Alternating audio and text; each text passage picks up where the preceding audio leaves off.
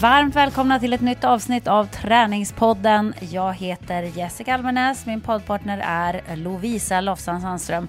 När ni hör detta så är jag, gud ske pris, äntligen hemma igen. Fredag morgon är jag hemma i Stockholm och det ska bli så jävla skönt. Fast jag får rapporter om jättedåligt väder och vinter och kallt och allt möjligt. Eh, men just nu eh, så är vi ju på väldigt olika ställen.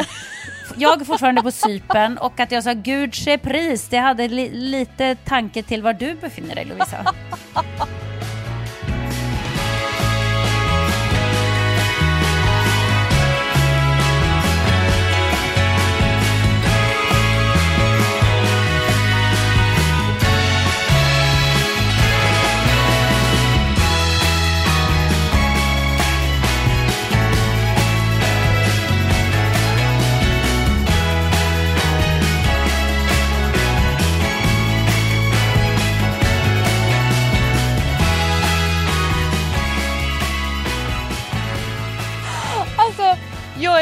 Ute jag tror att det är den småländska skogen för att när jag var inne på affären så pratade i alla fall människor småländska runt mig. Jag vet inte om det är Småland när det är norr, alltså nordväst om Jönköping. Att man också, för, för som en stockholmare åker ner till Jönköping och sen åker man liksom uppåt igen fast på andra sidan Vättern. Är det Småland där också? Ja, alltså, jag kan ju säga att allt i Sverige som ligger nordväst om Jönköping är inte Småland. Så mycket är säkert. jag är i alla fall mitt ute i skogen. Jag vet faktiskt inte var i skogen du är Lovisa, så det är svårt för mig att avgöra om det är Småland. no, Okej, okay. räcker inte med att säga en riktning. Eh, jag, jag, är i alla fall, närmaste tätort är Mullsjö. Och så nu kommer alla Mullsjö Mullsjö ligger ju i alla fall i Småland. Gör det det? Ja, så då borde ah, du vara i Småland. Tack. De pratar ja. i alla fall småländska runt omkring, de få människor jag har mött här ute i skogen. Jag är på eh, träningsläger med eh, Kanotförbundet så att jag är i tjänst. Det ska vi se, det blir en, två, tre, fyra, fyra hela dagar, fyra hela nätter, 50 kids. Eh, men eh, det har varit åtta grader och oh! lite sol. Men det har också varit nollgradigt och snöat en decimeter. Och kidsen var alltså ute och paddlade i det här och inte ett enda barn, de här är från 13 till 15 år, de klagade inte en enda gång. Vi vuxna som kör följebåtar och så, vi bara åh gud, åh gud, åh gud, det är så blött och det är så kallt och ingenting hinner torka. Vi klagar jättemycket. Kidsen bara mörsar på. Träningspass efter träningspass efter träningspass. Jag börjar köra lite grann på de här höstlovsfälgarna nu kan jag säga. Oj, oj, oj, oj, oj. Alltså, du vet att när jag sa oh, när du sa åtta grader och sol så tänkte jag direkt, fy Fabian vad det låter jävligt kallt och fy. Och sen så säger du nollgradigt och snö och jag bara känner, nej men jag kanske ångrar mig nu och åker inte hem trots allt ändå här från Cypern. Snösmockan var det väl Aftonbladet som, eh, som skrev, den fick vi kan jag säga. Men, så jag alltså ligger ju då inte i min traditionella poddsäng eh, utan jag ligger i en sån här knarrande våningssäng men jag har ett eget rum så jag ligger och kollar på eh, Scott and Bailey på SVT Play, helt besatt. Så det ligger jag och kollar på, på på kvällarna när jag ska varva ner. Jag har en Cola Zero på rummet. Eh, Alltså jag har det väldigt bra. Men det jag är väldigt nyfiken på nu Jessica. För du har ju liksom fått vara, du är hemlig med dina projekt, mm. jobbprojekt. Jag fattar att det är så här värsta sekretessavtalen. Och sen så kommer en liten grej, vad du ska jobba med. Och sen så var du är, och nu äntligen så vill jag höra om dina kollegor, inte de bakom kameran, utan dina kollegor framför kameran nu när du spelar in nästa säsong. Släpps i februari av Superstars. Ja, precis. Denna tittarsuccé. Ja, det går faktiskt väldigt bra det programmet och eh, eh hur jag vet att det går väldigt bra, det är att vi får göra fler och fler program för varje säsong. Så det måste ju vara ett bra tecken. Så att eh, eh den här säsongen gör vi faktiskt hela 18 program. Så Superstars kommer att gå i 18 veckor i vår. Det är helt och 18 olika outfits då eller? Eh, jag har två outfits per program så att det är faktiskt 36 olika outfits. Det förklarar dina 65 kilo som du flyger med. Ja, jäklar i mig alltså. Du vet, eh, eh, Marcus Albeck säger till mig varje morgon, jaha, nya sneakers idag igen. Hur många sneakers har du med dig egentligen? Jag bara, tack gode gud så är det inte jag som har haft med mig dem, utan de har ju åkt hit med med teamet med, med några andra väskor liksom, så jag har inte släpat på det själv för det hade varit, ja men det hade, jag tror inte det hade räckt med 65 kilo, helt ärligt. Det hade eh, tagit otroligt mycket utrymme.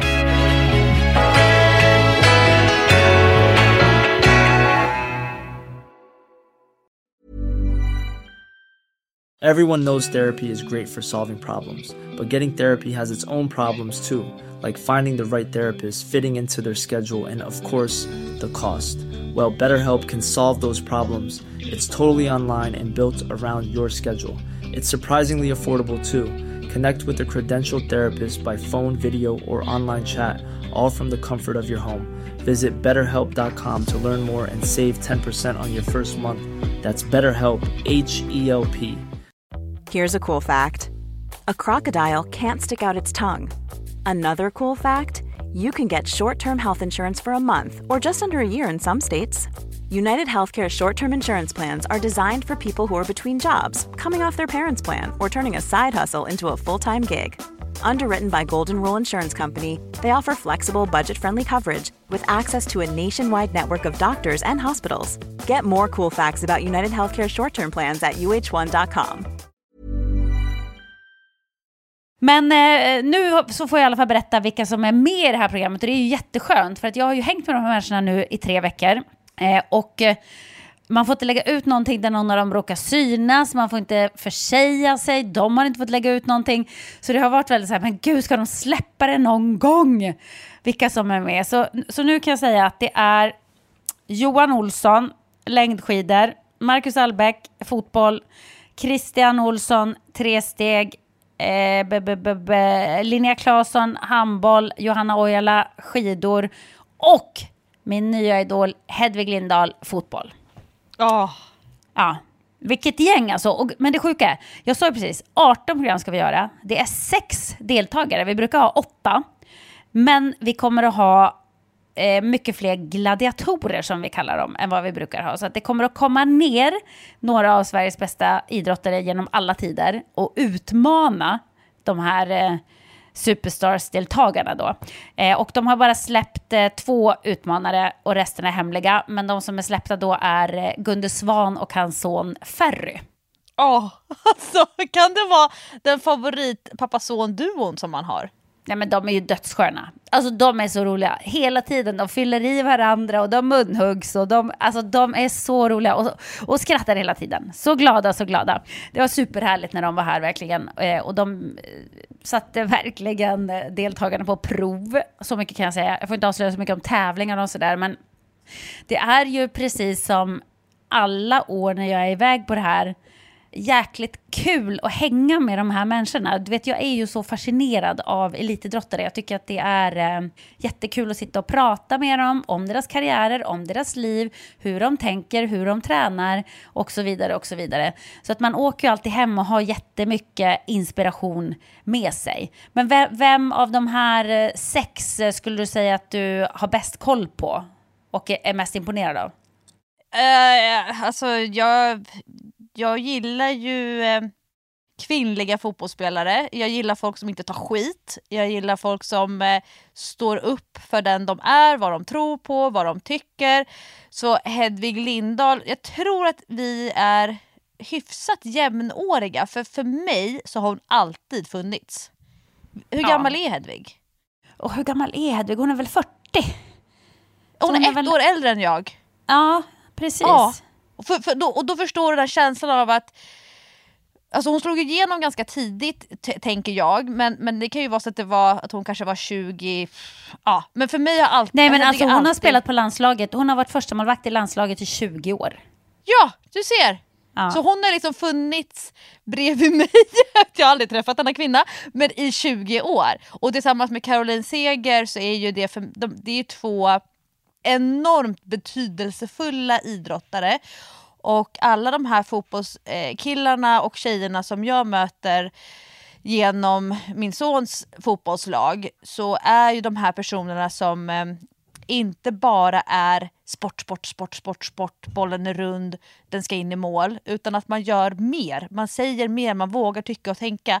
De är ju inspirerade. Sen är det klart att det är de här bollkonstnärerna också är coola och häftiga. Men eh, Hedvig Lindahl eh, kommer absolut högst upp på topplistan för säsongens, alltså den här säsongen av Superstars från mig, från min sida. Ja men vet du vad, hon har överraskat väldigt mycket på mig för att jag har ju givetvis också eh, haft en bild av Hedvig. Jag har ju följt eh, eh damlandslaget i fotboll eh, och eh, kollat på alla stora turneringar och sådär.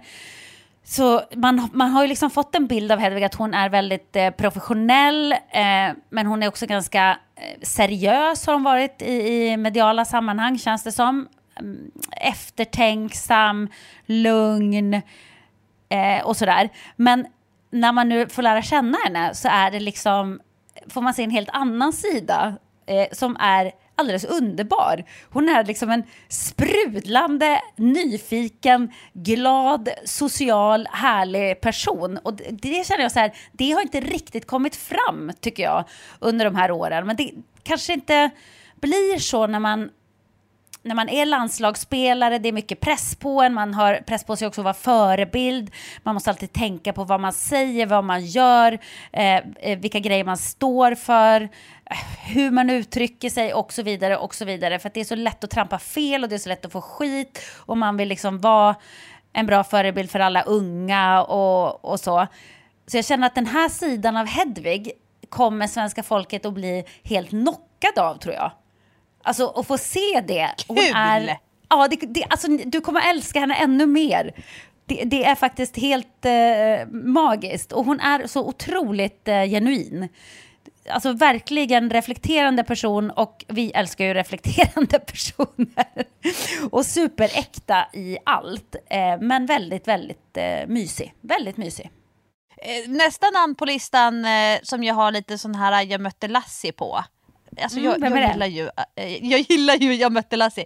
Eh, Johanna Ojala som faktiskt pluggade på GH samtidigt som mig för typ 20 år sedan.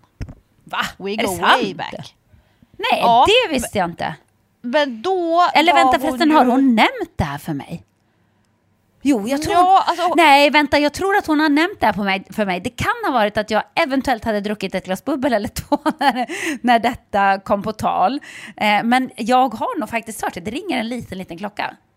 Att hon, att hon eh, har gått på, eh, på GH tillsammans med mig eller att hon har gått på Nej, GH med dig. Det med, för vi pratade om våra poddar. Eller jag pratar om mina poddar. Jag är lite starstruck här. Och jag är ganska säker på att hon sa att hon har gått på GH med dig. För det, så här var det, det här var ju inte någon som jag närmade mig eh, därför att eh, Johanna eh, hade redan då väldigt mycket stjärnglans runt sig och det var en ganska stor snackis att Johanna Ojala går på GH. Och alltid i träningskläder, jag tror att hon gick eh, tränarprogrammet och eh, enormt vältränad. Alltså du vet hon, ett sånt här eh, fyskapacitetsmonster, liten uthållig som tusan och alltid ett leende. Men jag har ju aldrig pratat, pratat med henne. Men, men eh, asa cool tycker jag. Och sen när hon blev så här eh, kändis på så sätt att hon började liksom göra mer tv och vara så expertkommentator. Då har jag alltid sen när hon har varit på tv, henne har jag gått i samma skola som.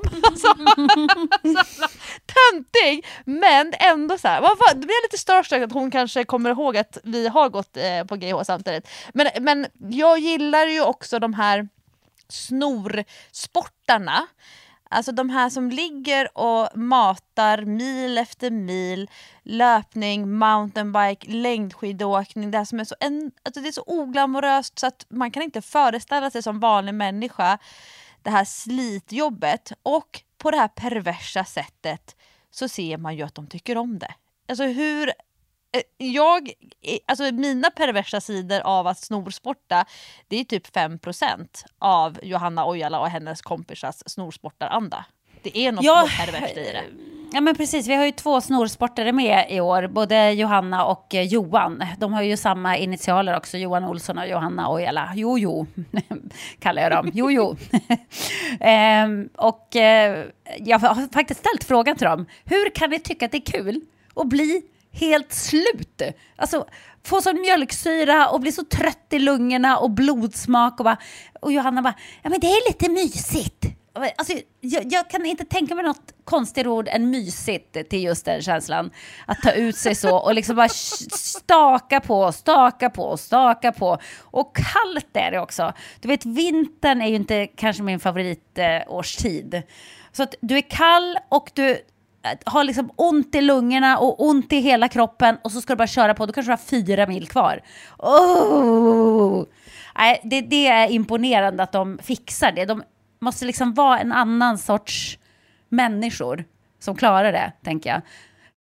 Johan eh, Olsson eh, får jag, jag upp träningsprogram för inför varje ny vecka. För han är ju nämligen en av coacherna på Eh, Team Santander som vi har pratat om i Träningspodden med en de här som ska göra en svensk klassiker. Och då är Johan ansvarig för skidåkarprogrammen. Så mitt Instagramflöde är alltid så här härligt påfyllt där Johan står och kör stakintervaller på ski erg mm. i väntan på att snön ska komma. Men nu förklarar jag också hmm, att det, har, ja, det kanske är så att det kommer något eh, superstar-inlägg senare då i det flödet. Men han eh, försöker ju göra det här med att vanliga motionärer ska kunna ha rimliga träningsprogram för att kunna köra de här långloppen. Och jag tycker att han är väldigt inspirerande men jag har ingen relation till honom som eh, till Charlotte Kalla eller de här vissa av de andra längdåkarna eh, skulle jag säga. Men, men, men han är väl men, också, sliter han också lika mycket som Johanna när det snorsportas? Ja, men han är ju, han är ju femmils specialist var ju han när han tävlade framför allt. Eh, men eh, jag har också sett det här Team Santander som kör den här grejen och vi har ju samarbetat med dem också i träningspodden tidigare. Eh, men det hade varit lite roligt om Therese Alshammar hade gjort skidprogrammen och Johan Olsson hade gjort simprogrammen. Sånt tycker jag är lite humor, men okej. Men... och så här göra någonting helt baklänges. Ja men eller hur? Knasigt. Ändå lite roligt att se hur bra lyckas de med det när det inte ens är deras sport, för de är ju så jäkla idrottssmarta. Eh, men du, du kommer nog snart att, se när det är färska videos som kommer från Johan, för att han har blivit väldigt, väldigt brun här nere. Alltså han är så brun, det har faktiskt de flesta blivit för att det, det är, har varit otroligt varmt. Alltså det har varit, senaste veckan så har det varit runt Ja, men eh, det har varit över 30 grader alltså varje dag senaste veckan. Upp mot 35 vissa dagar tror jag. Och helt vindstilla. Alltså, vi har blivit stekta i solen, verkligen. Eh, och Johan är megabrun, men eh, det är inte det som är det anmärkningsvärda här. Det anmärkningsvärda som ni kommer få se när Superstars börjar sändas, det är att Johan Olsson kommer ut som komiker. Eh, han är fruktansvärt rolig. Han är fruktansvärt rolig. Så fort han öppnar käften, men alltså jag skrattar och skrattar och skrattar så mycket. Jag tror inte att han själv förstår hur rolig han är. Men han har en väldigt eh, underhållande eh, humor som är lite så här svarta, han gärna driver med sig själv. och alltså, nej men jag kan, jag kan skratta så mycket åt honom. Och det hade jag inte sett framför mig heller. Johan har ju varit med i Superstars en gång tidigare. Han var med 2000 om det var 17 eller 18. Oklart, jag kommer inte riktigt ihåg. Men Fem eller sex år sedan. Ja, precis. Eller om det var 19 kanske. Ja, men länge sedan var det i alla fall. Nej, 19 var det nog inte. Nej, 19 var det inte. Det måste vara 17 eller 18. Eh, och då var han tvungen att bryta för att han, om han blev sjuk eller skadad, jag tror att han fick ont i halsen eller något sånt. Och då så var han fortfarande halvaktiv. Alltså han körde fortfarande en del lopp, men inte på liksom den högsta nivån. Eh, men eh, då ville han inte chansa med det då, för du vet ju hur skidåkare de vågar inte ens träffa folk på vintern. De stänger ju in sig liksom för att inte få några basiller, så att han vill inte chansa med... En stuga på fjället. Ja men precis, med halsont och fortsätta tävla och sådär. Men då var han eh, väldigt, alltså som jag tror att det har varit för Hedvig också, när de är inne i sin karriär så är de väldigt seriösa. Och det finns liksom inte utrymme för att eh, slappna av och tramsa och man lär sig nog alltid hela tiden att man måste vara på sin vakt med journalister och sådär, med media eh, och man försöker svara liksom ganska neutralt eh, och har kanske ingen ambition att droppa one-liners hela tiden. Men du vet den här sidan som man får se av Johan nu och som tittarna kommer få se den här säsongen, alltså han är fruktansvärt rolig. Jag, jag har sagt till honom så här, Johan, snälla kan du åka på en stand-up-turné? Jag, jag, kommer att kolla, jag kommer att dra med alla jag känner. Du kommer sälja biljetter och ta provision. Eller så här, ah, är, tvärtom, ja. betala folk för att de ska komma dit så att de kan få, här, få veta hur rolig han är. Jag skickar honom till Måns Möller på en kurs kanske. Så, så får han eh, några tips i hur man gör stand-up och så drar han bara sina skämt som han har stått och dragit här nu när vi har varit här på Cypern. Så det, det, kommer att sälja slut. Fulla hus kommer han att dra. Så, så det tycker jag också är väldigt kul att det är en del idrottare som är med nu som får visa helt nya sidor av sig själva. Jag tycker att det är extra markant faktiskt på just eh, Johan och Hedvig. Alltså de, eh, jag har helt, helt, helt ny bild av dem. Eh, och sen har vi ju Christian Olsson är tillbaka. Han vann ju min första säsong som programledare för Superstars när Kanal 5 liksom väckte programmet till liv igen efter kanske tio år eller något sånt. Ja, precis. Så han, han vann ju mot Per Elofsson i finalen. Eh, och nu är ju då han tillbaka för att försöka vinna en andra gång, för det har ingen gjort. Och det förstår jag är en sån grej som lockar Christian, för han, eh, eh han, han är verkligen vinnarskalle och han är oerhört noga med detaljer. Alltså han är lite som Gunde Svan. När Gunde Svan var här, det var liksom varje detalj. Det, han frågar om allting och han ska ha koll på allting och veta precis allting om allting. Det är viktigt. Och Christian är lite samma, han missar inga detaljer. Han eh, är väldigt eh, eh fokuserad och har en jäkla koll. Eh, så det är kul att han är med igen. Tycker Men jag. får jag fråga en sak om det där med detaljerna? För nu ja. får jag så här, nu börjar jag tänka på människor runt omkring mig. Mm. När man eh, vill ha reda på alla detaljer när det är tävling och man är eh, tävlingsskalle. Eh, vill man ha reda på alla detaljer för att man vill hitta kryphålen eller vill man ha reda på alla detaljer för att man vill optimera prestationen mesta möjliga? Både och tror jag. Ja det finns lite eh, fula knep. Som ja, ändå är då rena, för det har ju inte gått igenom i reglerna. Nej men alltså grejen är, och det här, så här är det med elitidrottare, det här har jag lärt mig under alla mina år i Superstars, så att jag eh, och Krulle då som är tävlingsledare, jag är ju lite av hans assistent. Jag eh, svassar ju runt honom hela tiden och, och eh, ifrågasätter tävlingarna och säger till honom så här, kan vi inte göra det så här istället, det kommer bli mycket bättre. Och ibland så säger han så här, nej nu gör vi som jag har bestämt och ibland säger han, jättebra idé Jessica, vi, ja, vi gör så, det blir kanon. Så han är väldigt öppen för att liksom ändra om han tycker att det är en bättre idé. Men jag är också inne och petar i, i reglerna och du vet, väldigt noga med att vara med på regelgenomgången med deltagarna för att eh, jag vet att säger man inte precis allt så kommer de, alltså då har man ju inte sagt att man inte får göra så. Om du förstår vad jag menar. Ja, det finns så, ju annars stadgar som reglerar exakt hur tävlingsutförande ska gå till i deras ja, sport, i deras exakt. värld, i deras hjärnor. Ja men exakt, och de är, de är experter på att försöka skaffa sig fördelar gentemot sina konkurrenter.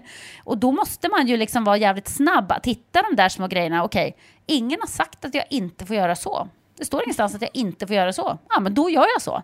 Ja, men det är inte förbjudet, för ingen har sagt det. Och, och så har vi haft det några säsonger när det inte har varit kanske, man inte har varit helt lika tydlig med reglerna och alla eventualiteter och då har ju vissa idrottare direkt eh, eh utnyttjat det och hittat de här kryphålen. Och då har man tänkt så här, det där blev ju dumt. Ja, säger Krulle, men vi hade ju inte sagt att man inte fick göra så. Så att, ja, det var ju smart av honom eller henne att komma på det. För att vi hade inte sagt att man inte fick göra så. Nej, då så. Eh, så att med, man, med idrottare måste man vara otroligt noggrann med alla regler och eh, verkligen på detaljnivå. Men med Christian och hans detaljer så är det liksom... Han analyserar liksom vad han ska göra in i minsta detalj innan tävlingen. Han har hela tiden en plan. Jag, jag tror inte att han går in i någon tävling utan att ha en plan innan. En plan, en strategi, eh, hur han ska göra för att vinna. Han analyserar sina motståndare. Det där är han faktiskt skitbra på. Så att, um, ja, det blir spännande att se hur det går för honom här nu den här Men, säsongen. om jag ska, eh, jag, jag, nämner ett konkurrerande, en ka konkurrerande kanal, konkurrerande tv-program. Mm. Eh, Bäst i test. Ja. När det slog igenom. Det finns ju också den här engelska varianten som jag inte kommer ihåg vad den heter. Eh, men som jag får upp ganska mycket klipp därifrån på min Facebook av någon anledning. Jag har väl börjat titta en gång och då tror Facebook att jag är intresserad. Eh, men då när Bäst i test slog igenom så blev ju det, dels så har väl kommit så här, någon bok Eh, och något spel man ska köpa hem, och, men framförallt de här Bäst i test-festerna som vanliga människor då arrangerar som en eh, liten aktivitet på partyt.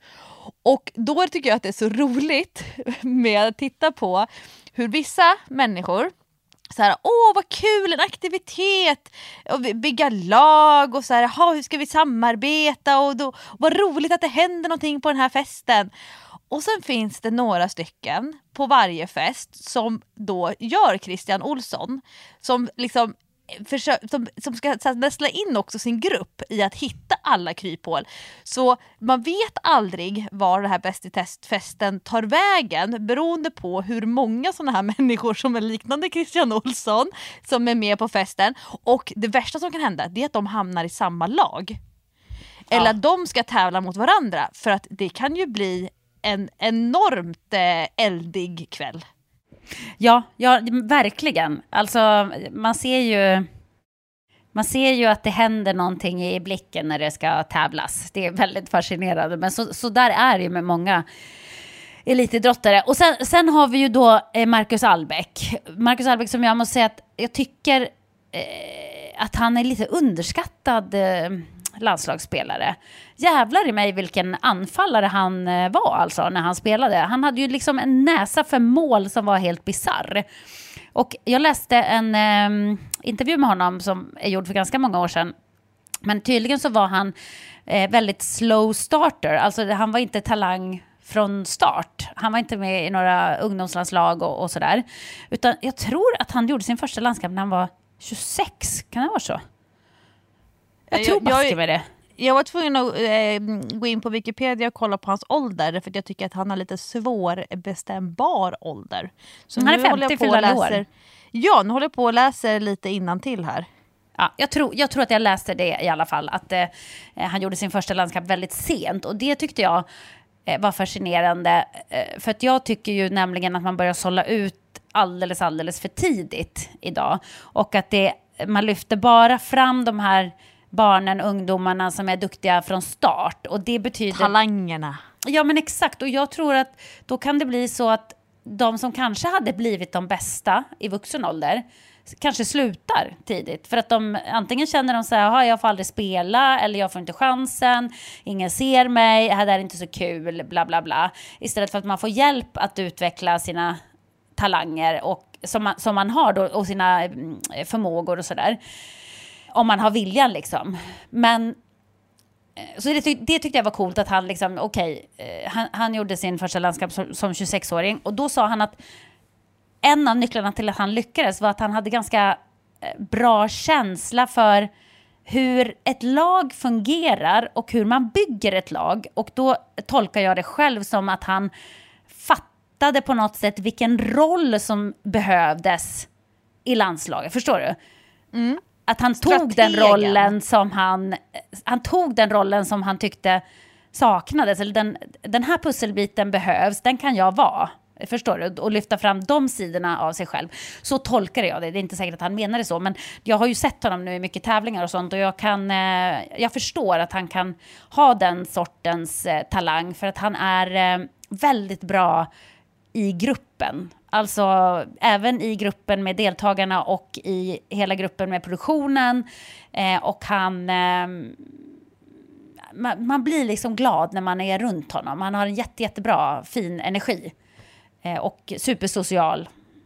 Han, hans eh, hjärna och syn då på liksom, system och koncept, eh, det är kanske det som också förklarade eh, honom som ledarmaterial om man tänker att han eh, sen stannade kvar i landslagsorganisationen eh, ja. för svenska landslag. För nu, nu läste jag det att han gick ju faktiskt direkt och blev spelaransvarig efter ja. att han lämnade landslaget som spelare. Ja men exakt, och, och då har han beskrivit det som att han hade en roll som var typ som en assisterande tränare till Hamrén då. då. Eh, och eh, det tror jag han passar alldeles utmärkt som. För jag tror att eh, det, jag tror det är svårt att ogilla Marcus. Alltså jag tror att han funkar med alla i landslaget.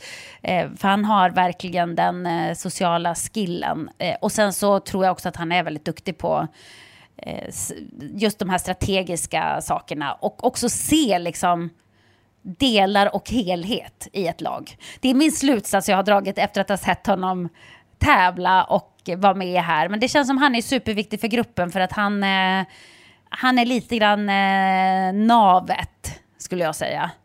Och väldigt trygg i sig själv också, så står med båda fötterna på jorden.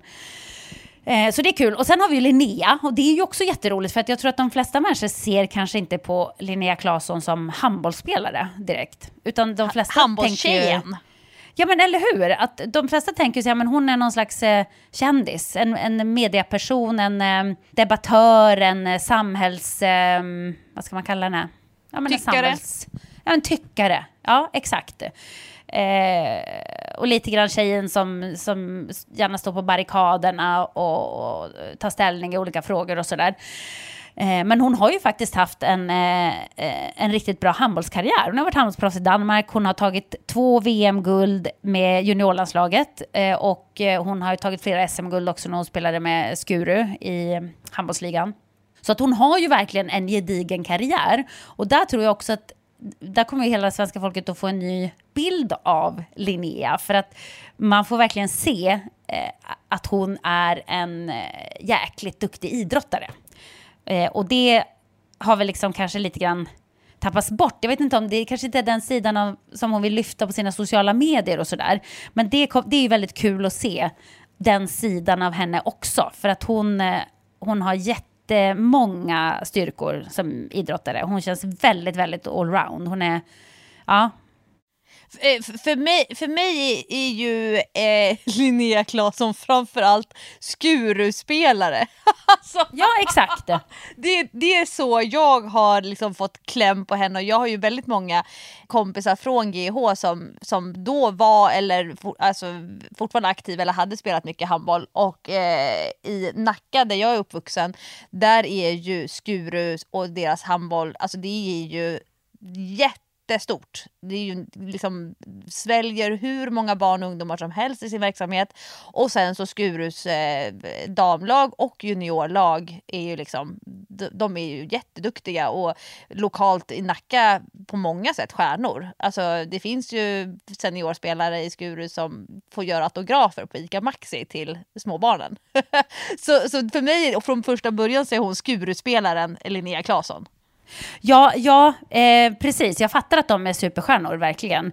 Och, och eh, hon spelade ju många år i Skuru. Skuru var ju skitbra på den tiden. Det känns som att det var typ Skuru och Sävehof i final varenda år. så turades de om att vinna lite grann. Lite så eh, var väl känslan. Men jag tycker att det är kul med det här programmet. Den här säsongen speciellt för att man får se helt nya sidor av de här personerna som är ganska välbekanta för de allra flesta. Om man tror liksom att man har en bild av hur de är eller vad de är bra på eller vad det är för slags människor. Och så får man lite grann en ny bild, eller i alla fall får se nya sidor som kommer fram. Så att det kommer ju inte bara vara det här, de här tävlings... Eh, delarna, inte bara tävlingsmomenten, utan också, det är ju väldigt mycket reality i Superstars också. Man får ju följa dem, de bor tillsammans, eh, man får vara med på, på middagar och luncher när de pratar om sina karriärer, men också när de bara hänger och när de bara eh, sitter på baksidan vid sin pool som de har i sitt hus och snackar skit eller du vet när de ska gå och lägga sig, när de går upp på morgonen och gör frukost och de filmar varandra hela tiden. Och, alltså, jag tror verkligen man kommer att få lära känna Eh, de här personerna och jag tror man kommer tycka skitmycket om dem. Faktiskt, det är jättekul. Är det eh, en ny eh, tv-programstrend skulle du säga? Det där med att vi kanske under ganska många år har haft tv-program där vi ska förfäras över deltagarna. Eh, men att vi nu kanske ser att det faktiskt är människor som, vi, eh, som vinklas att vi ska tycka om dem. Ja, jag tror faktiskt det. Jag har ju varit med i några program där det har varit uttalat innan att det, vi vill eh, inte att det ska vara drama utan vi vill liksom följa er som personer och era relationer och vi vill att folk ska tycka om er. Till exempel Över Atlanten är ju ett sånt program. Det är ju världens mysigaste program och man tycker om alla som är med i Över Atlanten. Och ändå blev det drama Jessica. ja, men det blir, det blir alltid, det blir alltid någon slags drama i den typen av tv-program ändå. Men det behöver ju inte vara för att folk eh, super och knullar och slåss och beter sig som eh, idioter. Den sortens drama tycker jag känns lite ute. Alltså jag, jag, jag tror det. Jag hoppas det. För jag tycker ju om när man, när man tycker om folk. Jag, jag gillar ju att få... Om man får en ny bild av en människa så vill man ju att den ska vara positiv. Det är ju jättehärligt.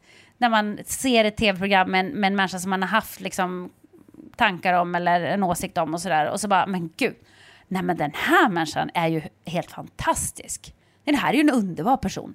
Mm. Är inte det lite härligt för det händer så mycket skit i världen? Så det kanske också hänger ihop, att den trenden i tv hänger ihop med att det händer mycket skit i världen. Det är så fruktansvärt i verkligheten, så att när man tittar på tv så vill man ändå att det ska vara lite mysigt och lite feel good. Jag tror feel good äh, kommer verkligen att komma stort här de kommande åren. För att man orkar inte med hur mycket elände som helst. Nej, det är nog, det har du nog rätt i. Så ja, nej, men som du hör, jag är väldigt peppad. Ehm, och vi har bott lite närmare deltagarna i år. Faktum är att deras hus är liksom tvärs över gatan från vårt hotell. Så att jag har haft chansen att hänga lite mer med dem eh, utanför tävlingarna. Jag trodde du skulle så... säga att du hade tittat, tittat in genom fönstret eller någonting. jag har gått och spionerat på dem, det vet de inte om ännu. Men det har jag gjort. Mm. Nej, så, så jag, har, jag tror att jag har lärt känna dem lite bättre än vad jag brukar när jag är iväg så här. Annars så brukar jag ju träffa dem bara på tävlingsplatsen och sitta och snacka då, men då är det ju inte så mycket tid. Men nu har vi faktiskt hunnit ja, vi har stött ihop i matsalen ibland, på buffén. Eh, man sitter och snackar lite, kanske tar ett glas i baren. Eh, ja, hänga på ett mer privat sätt liksom. Och det har varit väldigt kul. Det har gett mig jättemycket faktiskt. Eh, så jag är väldigt, jag, är, jag har mycket hopp om den här säsongen. Jag tror och hoppas att den kommer att bli jättebra. Kul! Februari, mm. då smäller det. Då smäller det, då smäller det. Det blir kul.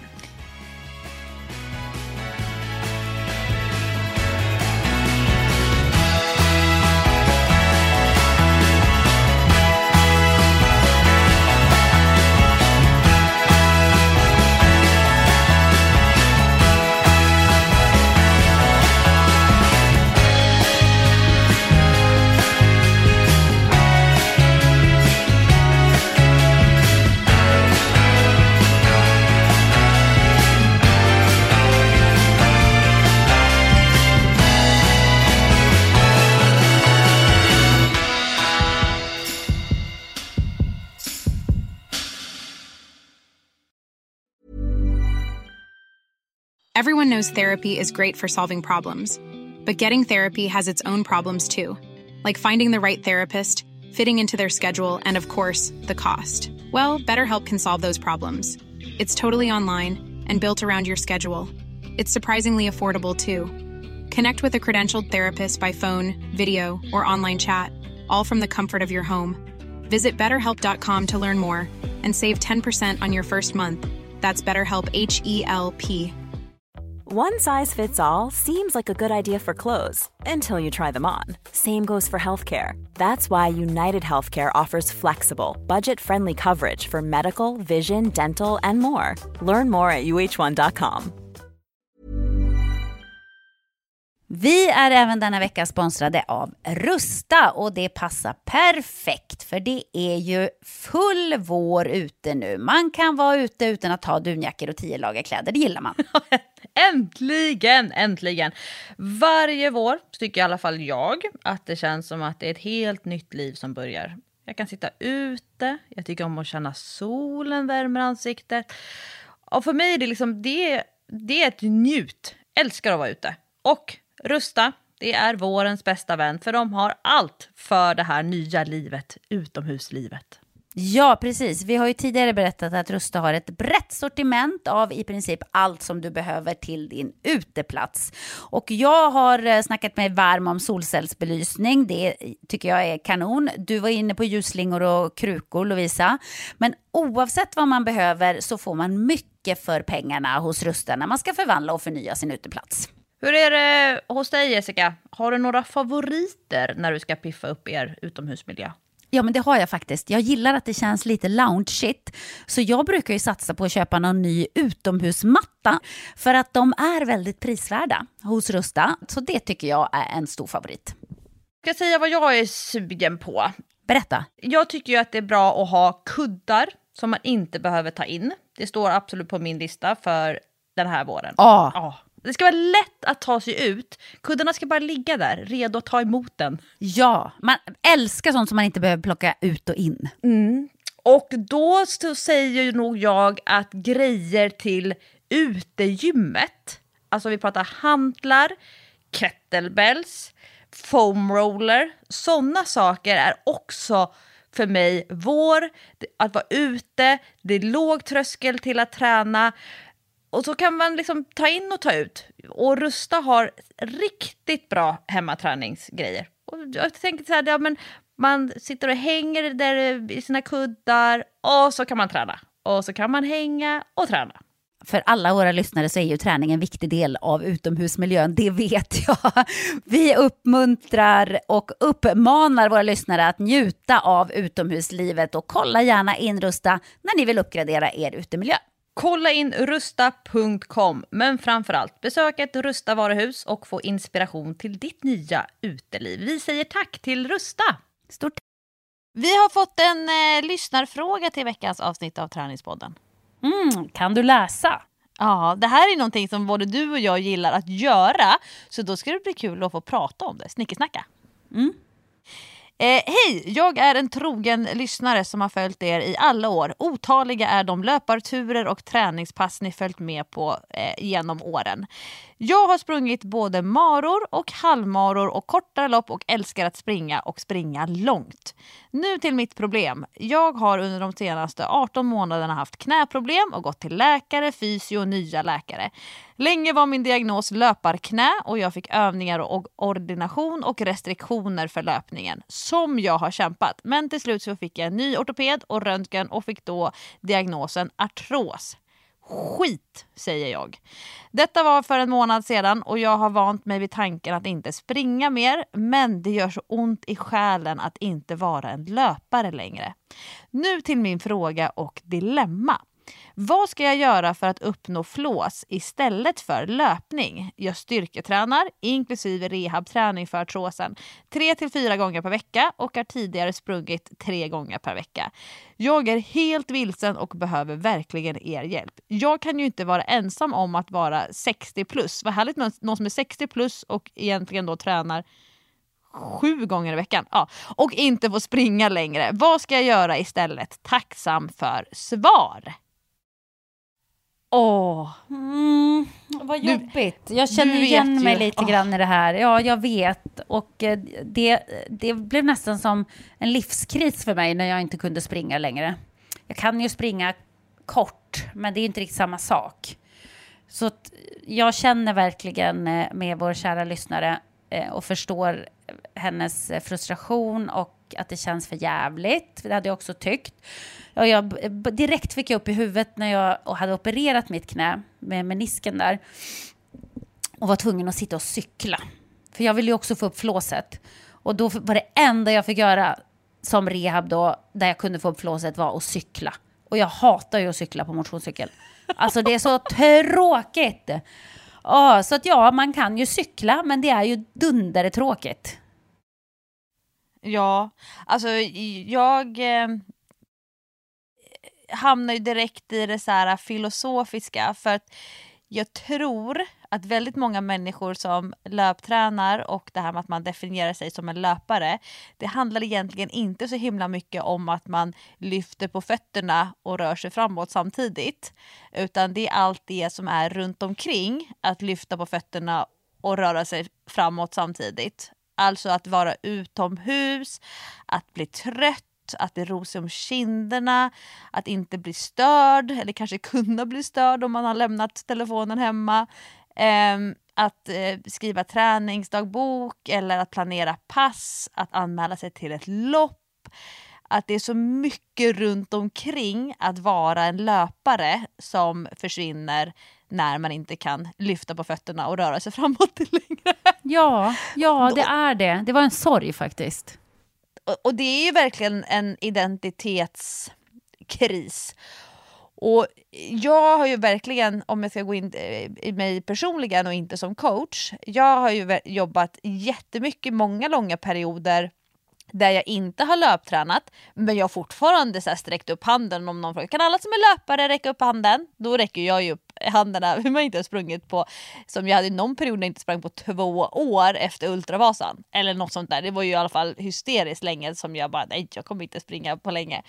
Mm. Eh, men det betyder ju inte att jag inte jobbar eh, träning med en väldigt hög svettfaktor. För jag tänker, jag brukar försöka beskriva pass för människor så att eh, alltså, genom att säga svettfaktorn.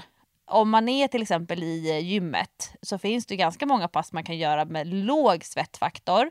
Men sen finns det ju pass där man är jättesvettig och jätteflåsig. Och eh, jag tror att man kanske behöver så här, koda om sin hjärna lite grann för att eh, kunna tillgodogöra sig de här effekterna, de emotionella effekterna som man har fått av löpning fast då får det eh, till exempel i gymmet som då utöver hjärt och kärlhälsa och att träna pumpen, träna lungorna. Mm. Men jag har ju inte, alltså sitta på motionscykel det är ju inte heller min grej. Jag tycker att det är lite själadödande. Ja, det, jag vet inte. Det, det, är bara inte för mig. Och även om jag får upp flåset så har jag svårt att få upp flåset eh, så mycket som jag kan få när jag springer. För att det är som att kroppen klarar inte att ta ut sig så mycket på en cykel. För mig pratar jag bara om mig själv. Men ja, vad, vad annars då kan man ta? Det är ju otroligt flåsigt, fast man kanske inte tror eh, att simma. Men jag har ju upplevt att själv får jag ganska ont i knäna av att simma. Alltså när jag har knäproblem så är inte simma det bästa. Eh, och jag, jag blir trött i nacken. Och du blir trött i nacken. Säkert om man i och för sig kan kråla när man gör såna här bara du vet, eh, fisksvansrörelser med benen. då, då, då, kanske det inte gör så ont i knäna att simma, men jag är så dålig på att kråla så det klarar jag bara i typ 20 meter. Eh, och då, sen måste jag simma bröstsim och det gör faktiskt ganska ont om man har knäproblem. Så simma kanske inte heller det bästa.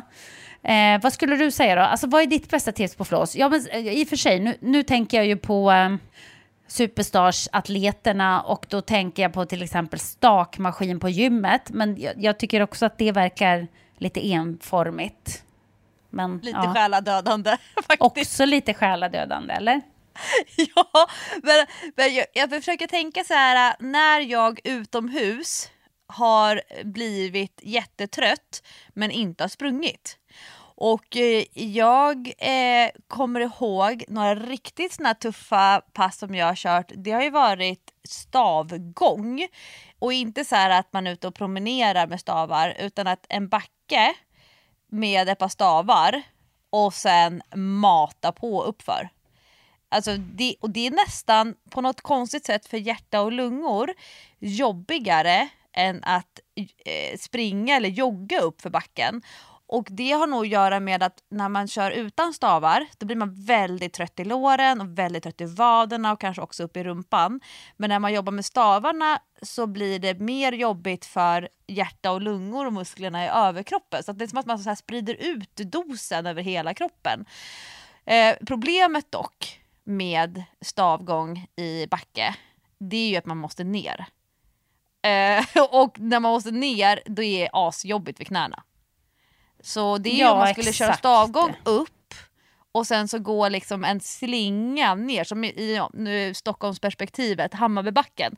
Där kan man köra ett jättetufft brant uppför med stavar och sen så ner på baksidan så finns det liksom en längre slinga som inte är lika brant. Eh, och den vet jag att många tar som tycker att det är tufft att gå ner för, för det är det är ju. Om man inte nyttjar att liften går ner. Så man, man knatar upp med stavar och åker liften ner, en liten genväg. Ja, det kan man ju göra faktiskt. Men gå i uppförsbacke känns ju som eh, en bra grej för att få upp flåset. Jag, jag, har en, eh, eh jag har två stycken eh, PT live-klienter som har artros. En som då jag lägger i 50 plus-facket då eftersom den här lyssnaren själv la sig i 60 plus-facket. Då mm. lägger jag en i 50 plus-facket och sen så lägger jag en i 70 plus-facket. Och eh, de här två personerna eh, upplever ett enormt obehag och verk av att löpträna. Så det har vi liksom i princip strukit. Eh, framförallt för att det är en sak om det skulle gynna då hjärt och kärlhälsan men, och att det, det främjar det, att springa. Men det allmänna välmåendet blir så lågt av verken. Och då när man summerar det så kommer det bli minus. För det är vissa mm. grejer som man får tänka så här att ja, men det kommer ändå vara så att de positiva effekterna är större än de negativa. Men eh, den här verken, den långvariga verken, finns andra grejer att göra som ger samma hjärt och kärleffekt men inte samma verk som knä eller som löpningen ger. Och då jobbar jag som coach eh, med olika periodiseringar.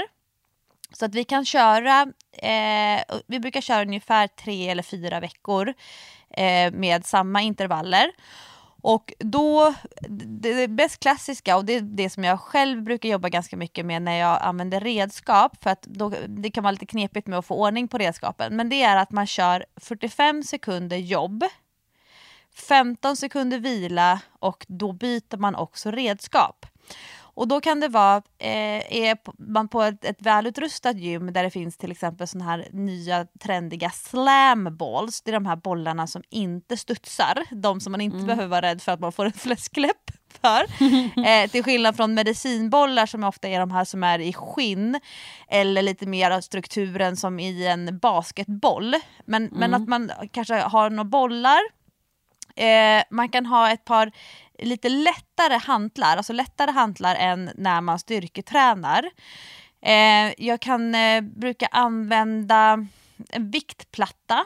Eh, för det, det man vill, om man då kör 45 sekunder jobb, 15 sekunder vila, byter redskap och byter också eh, rörelsebana. Så till exempel om man kör 45 sekunder kasta boll i marken, Eh, 45 sekunder lyfta viktplatta mot taket. Eh, 45 sekunder eh, kanske sit, köra någon sån här eh, sittande twist med eh, boll. Eh, sen kanske man kör en hantlar, eh, någon sån lite större kombinationsövning. Man kanske kör eh, hantelrodd i planka på ena armen, hantelrodd i planka på andra armen, kliver in och sen så ska hantlarna upp i taket. Så att man hela tiden byter vilka stora muskelgrupper man gör och byter redskap. Då blir man inte så trött i greppet. Och då kanske man kör sex sådana övningar 45 på, 15 av, 45 på, mm. 15 av. Och sen vila kanske en hel minut eller två minuter och så kör man det totalt tre varv. Det är liksom ett jättebra konditionspass, särskilt för de som inte gillar att eh, kanske vara i gymmet eller att, att styrketräna eh, per se. Vissa går ju igång på styrketräningen. Men sådana övningar eh, och sånt upplägg 45-15 kan vi köra i tre veckor. Sen har jag fått inspiration nu, eh, det är det som är när jag går på gruppträning eh, och är den här deltagaren undercover. Men då har jag mm. varit på gruppträningspass där man har kört apa-jobbigt upplägg, där man har tre övningar och så kör man 30 sekunder övning 1, direkt 30 sekunder övning 2, direkt 30 sekunder övning 3. Men då måste man ju tänka på att eh, man inte vill hålla på att byta redskap för det går åt tid. Det kanske kan vara kroppsviktsövningar och då får man ju 90 sekunders jobb och sen 30 vila. Och sen de här tre igen, 90 sekunders jobb, 30, 30, 30, 30 vila och ytterligare en gång. Och sen så byter man ut alla övningar, tre nya övningar, 30, 30, 30, vila 30. Och de här 90 sekunders intervallerna eh, kan ge faktiskt på många sätt en bättre konditionsträning än att bara mata på i vanlig jogging till exempel eller vanlig löpning där man bara blir kanske jättetrött i, eh, eh låren eller upplever att flåset för tidigt sätter begränsningar. Um, och då har jag faktiskt lagt in, så om jag har en klient som eh, tränar två gånger i veckan, eh, det är den träningen man gör. Då kanske jag kör så här, 20 minuter styrketräning, låg svettfaktor och sen så 20 minuter, 90, alltså de här 30-30-30, hög svettfaktor. Och eh, det räcker jättelångt på två pass i veckan. Så om man vill gilla att liksom köra både styrka och flås eh, på samma pass men inte blanda det hej vilt. Så det är två koncept som jag jobbar mycket med nu. Tre veckor per upplägg. Vad gillar du att köra för så här, pulsintervaller när du är i gymmet Jessica? Du gillar ju svettfaktor. Eh, ja, det gör jag. Jag, jag eh, brukar skaffa mig en massa konstiga appar jag har en del konstiga appar i min telefon som är sådana här träningsappar. Eh, och då kan man sätta igång något kort litet program. Jag har någon app, jag kommer inte ihåg vad den heter. Jag tror att den har något jättekonstigt namn. Jag hittar den inte just nu, återkommer med detta kära vänner. Eh, för det finns säkert bättre appar. Men den här appen i alla fall kan man sätta igång program som är ungefär 12 minuter långa. Och då kan man välja så här om man vill bara ha för bålen, rumpan, hela kroppen eller eh, kondition till exempel, det är ju pulsen.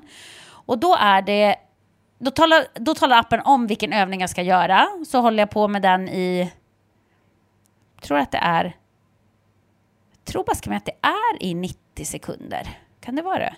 En och samma övning i 90 sekunder? Eller är det 60? Varför det blir så dåligt när jag ska berätta någonting?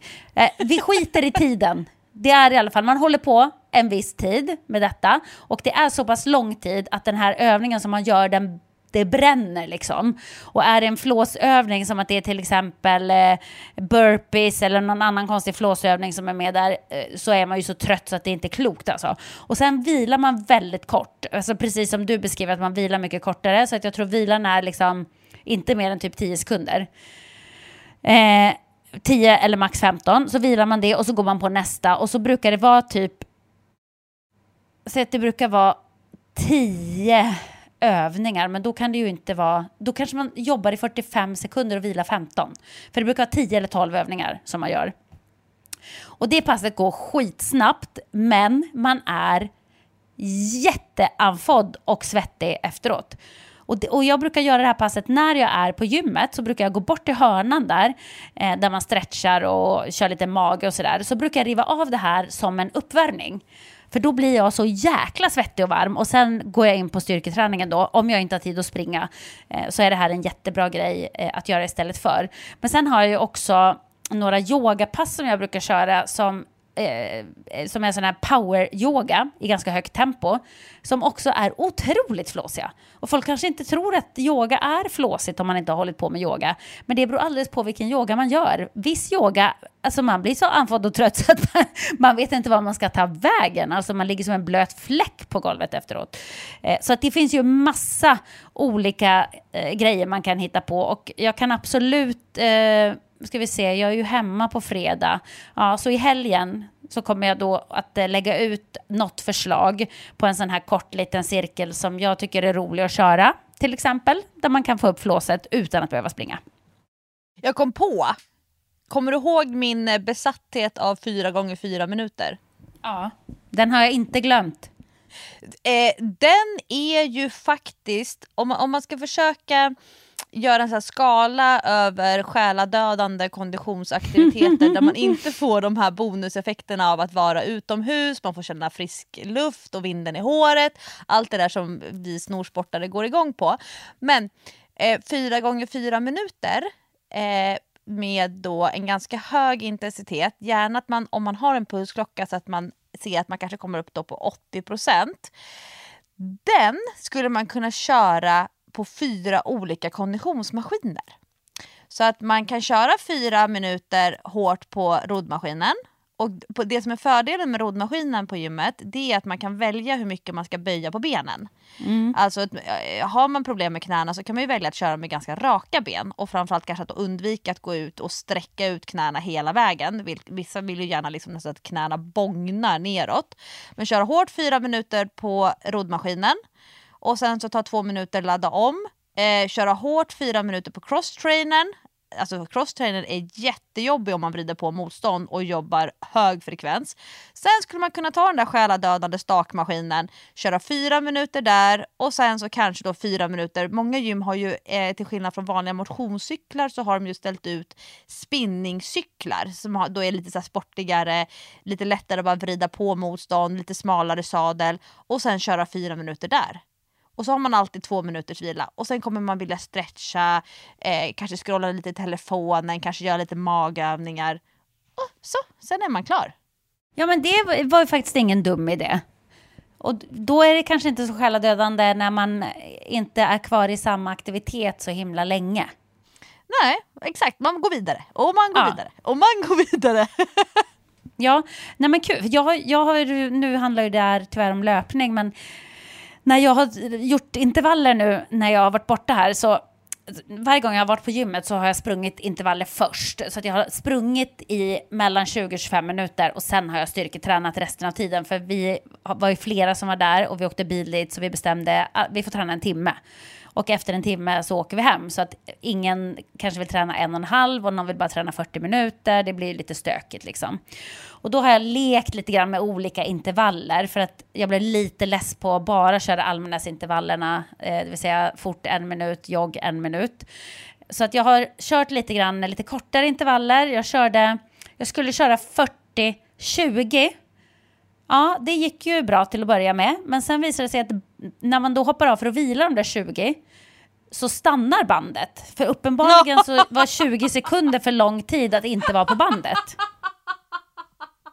Superirriterande. Förolämpad! Ja men jag var kanske på så här, ja men jag kanske var på min femte intervall och jag hade bestämt att jag skulle göra, jag tror jag skulle göra 15 hade jag sagt.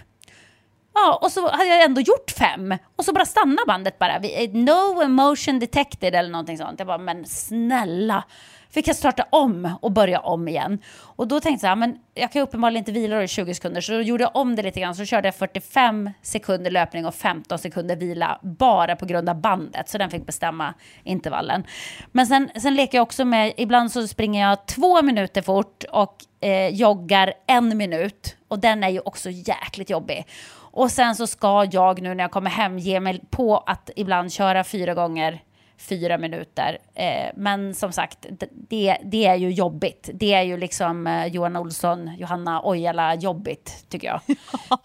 Jag, jag fick faktiskt eh, tips om ett eh, konditionspass som man kan göra Eh, också så här att om man, om man då skulle vilja köra, man kanske kan springa lite grann men inte särskilt länge eller långt och sen så att man kan fortsätta att köra eh, så låt säga att man kanske kör lite på löpbandet och sen byter till crosstrainern eller byter till roddmaskinen eller stakmaskinen.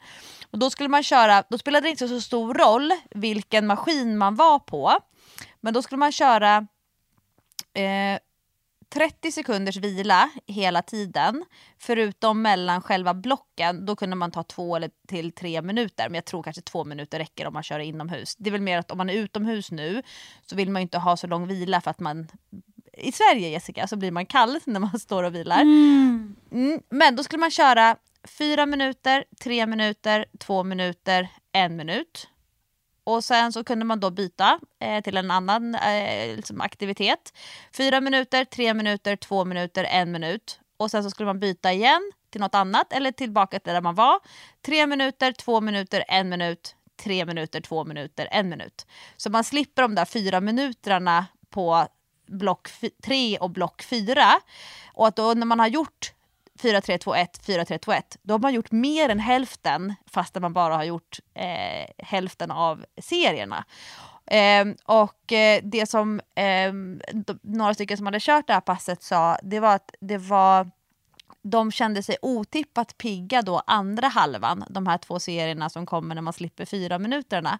Så att de kunde liksom höja upp sig ett steg i intensitet. Så jag tänkte att jag skulle prova det, eh, att kanske köra eh, lite löpande eh, på första, 4, 3, 2, 1. Eller att jag skulle gå i backe på löpband, ett sånt block först. Och sen kanske då springa ett sånt block och sen köra ski erg eller roddmaskin eller crosstrainer. Eh, det blir ett ganska långt pass men hjärnan kommer ju ändå hålla igång för man kan inte zooma ut då ju.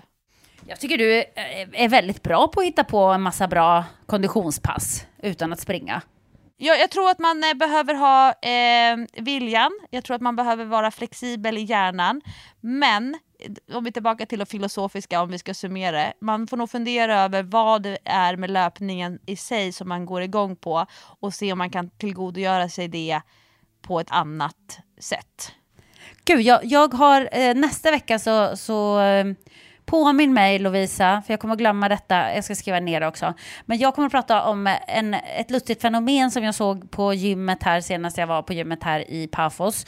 Och dessutom så har jag hittat en artikel igen, eh, som jag får ta nästa gång, med en man som menar att det räcker att träna 10-15 minuter om dagen. Eh, och han har då massa förslag på de här korta passen. Och den ska jag sätta mig lite mer in i och sen så tänkte jag prata lite grann om den för det tyckte jag var kul.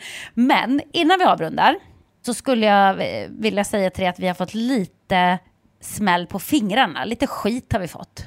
Är det så? Ja, vill du höra? Oh, och först gärna. tänkte jag så här, först blev jag lite så här, du vet som man kan bli när man får kritik, eller så här, Mäh! sluta lyssna då, den reaktionen. Och sen tänkte jag så här, fast Nej, vet du vad? Jag tänker att vi ska ta det här lite som en komplimang.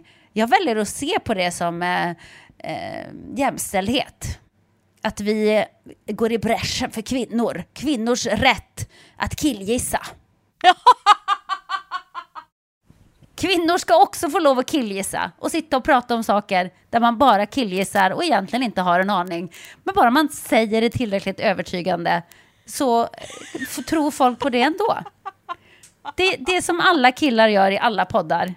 Någonsin i princip. Men eh, tjejer får inte göra det för att vi måste ha stenkoll på all fakta och precis allt vi pratar om måste vi veta exakt allting om. För annars så ska man inte prata om någonting. Men då kände jag att vi har också rätt att sitta och killgissa. Vi har väl också rätt att sitta och tycka att vi bara eh, kan och vet saker.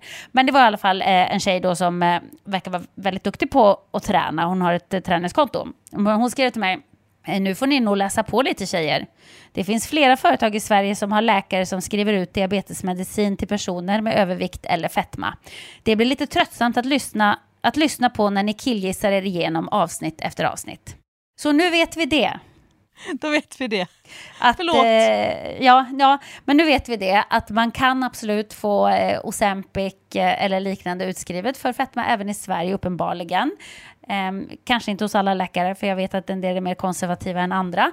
Men eh, jag känner också att eh, jag slår ett slag för tjejers rätt att killgissa. Det, det gör vi rätt Jag tänker, eh, det finns väldigt många poddar där allting är fakta, eh, det finns en, eh, en studie att hänvisa till eh, och eh, där det inte är så mycket personliga reflektioner och eh, gissande. Eh, så då kanske vi kompletterar den genren av tränings och hälsopoddar. Ja, jag ser det lite grann jag ser på det lite grann som att vi ibland också i podden tänker högt. Man provar en tanke på, på dig eller på lyssnarna eh, och sådär. Och eh, kanske då om man tänker att när man hör nej, det här känns lite knasigt, ja, men då kanske man blir inspirerad att eh, googla upp faktan själv som man blir intresserad av. Vi tar inte ansvar för någonting som vi tänker högt om. Ja, men jag tycker ändå att, det, att tänka högt kan ju starta igång en tankeprocess hos någon annan, så det behöver inte vara så fel. Det är inte alltid bra att presentera fakta för människor bara, utan ibland så vill man bara sätta igång eh, en tanke en tankebana på något sätt. Så att jag väljer att se det som eh, You go girls. Tjejer får också killgissa. Är du kvar? Ja! Eller, eller, har du gått, eller har du gått in i ett annat rum för att killgissa? Ja, jag vågar inte säga någonting nu. säg, säg inget som du inte har koll på nu Lovisa. Men du, ditt program är inte klart för idag. Det är kväll nu och jag ska tvätta håret, gå och lägga mig och börja jobba imorgon klockan sju. Eh, men vad ska du göra? Eh, först har vi tränarmöte, planera morgondagen och sen så blir det Kahoot. Eh, det går inte särskilt bra för mitt lag för att jag sitter och killgissar alldeles för mycket. och gärna så att jag vill sträcka mig över och trycka på, den, på skärmen med mitt svar fast alla andra säger att det är något annat svar. Oj, oj, oj. Ja, nej, men jag menar det. Vi är ju fan bäst i Sverige på killgissa. Alltså, man ska vara bra på något. Lovisa Facit Sandström som min familj kallar mig för. Ja, ja. Mm. Ah. Ja, stort tack för att ni lyssnar på Träningspodden varje vecka. Mullsjö ligger i Småland, vad skönt. Jag hade det på känn men jag, jag, jag testade tanken lite. Ja, och Cypern ligger i Medelhavet, det vet jag. 100% säker. Nästa gång vi hörs så hörs vi från eh, Älvstockholm. Puss och kram på er, tack för att ni lyssnar. Hej då! Hej då!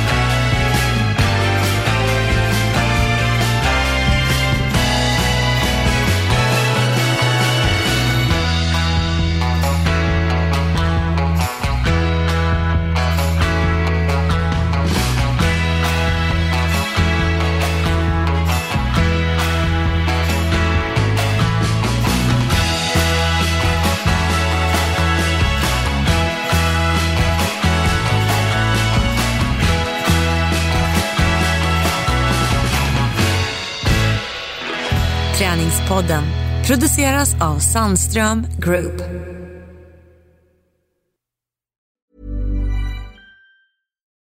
Deserves the best, and there's no better place to shop for Mother's Day than Whole Foods Market. They're your destination for unbeatable savings, from premium gifts to show-stopping flowers and irresistible desserts. Start by saving 33% with Prime on all body care and candles. Then get a 15-stem bunch of tulips for just $9.99 each with Prime. Round out Mom's menu with festive rosé, irresistible berry chantilly cake, and more special treats. Come celebrate Mother's Day at Whole Foods Market. Deserves the best, and there's no better place to shop for Mother's Day than Whole Foods Market. They're your destination for unbeatable savings, from premium gifts to show-stopping flowers and irresistible desserts. Start by saving 33% with Prime on all body care and candles. Then get a 15-stem bunch of tulips for just $9.99 each with Prime. Round out Mom's menu with festive rosé, irresistible berry chantilly cake, and more special treats. Come celebrate Mother's Day at Whole Foods Market.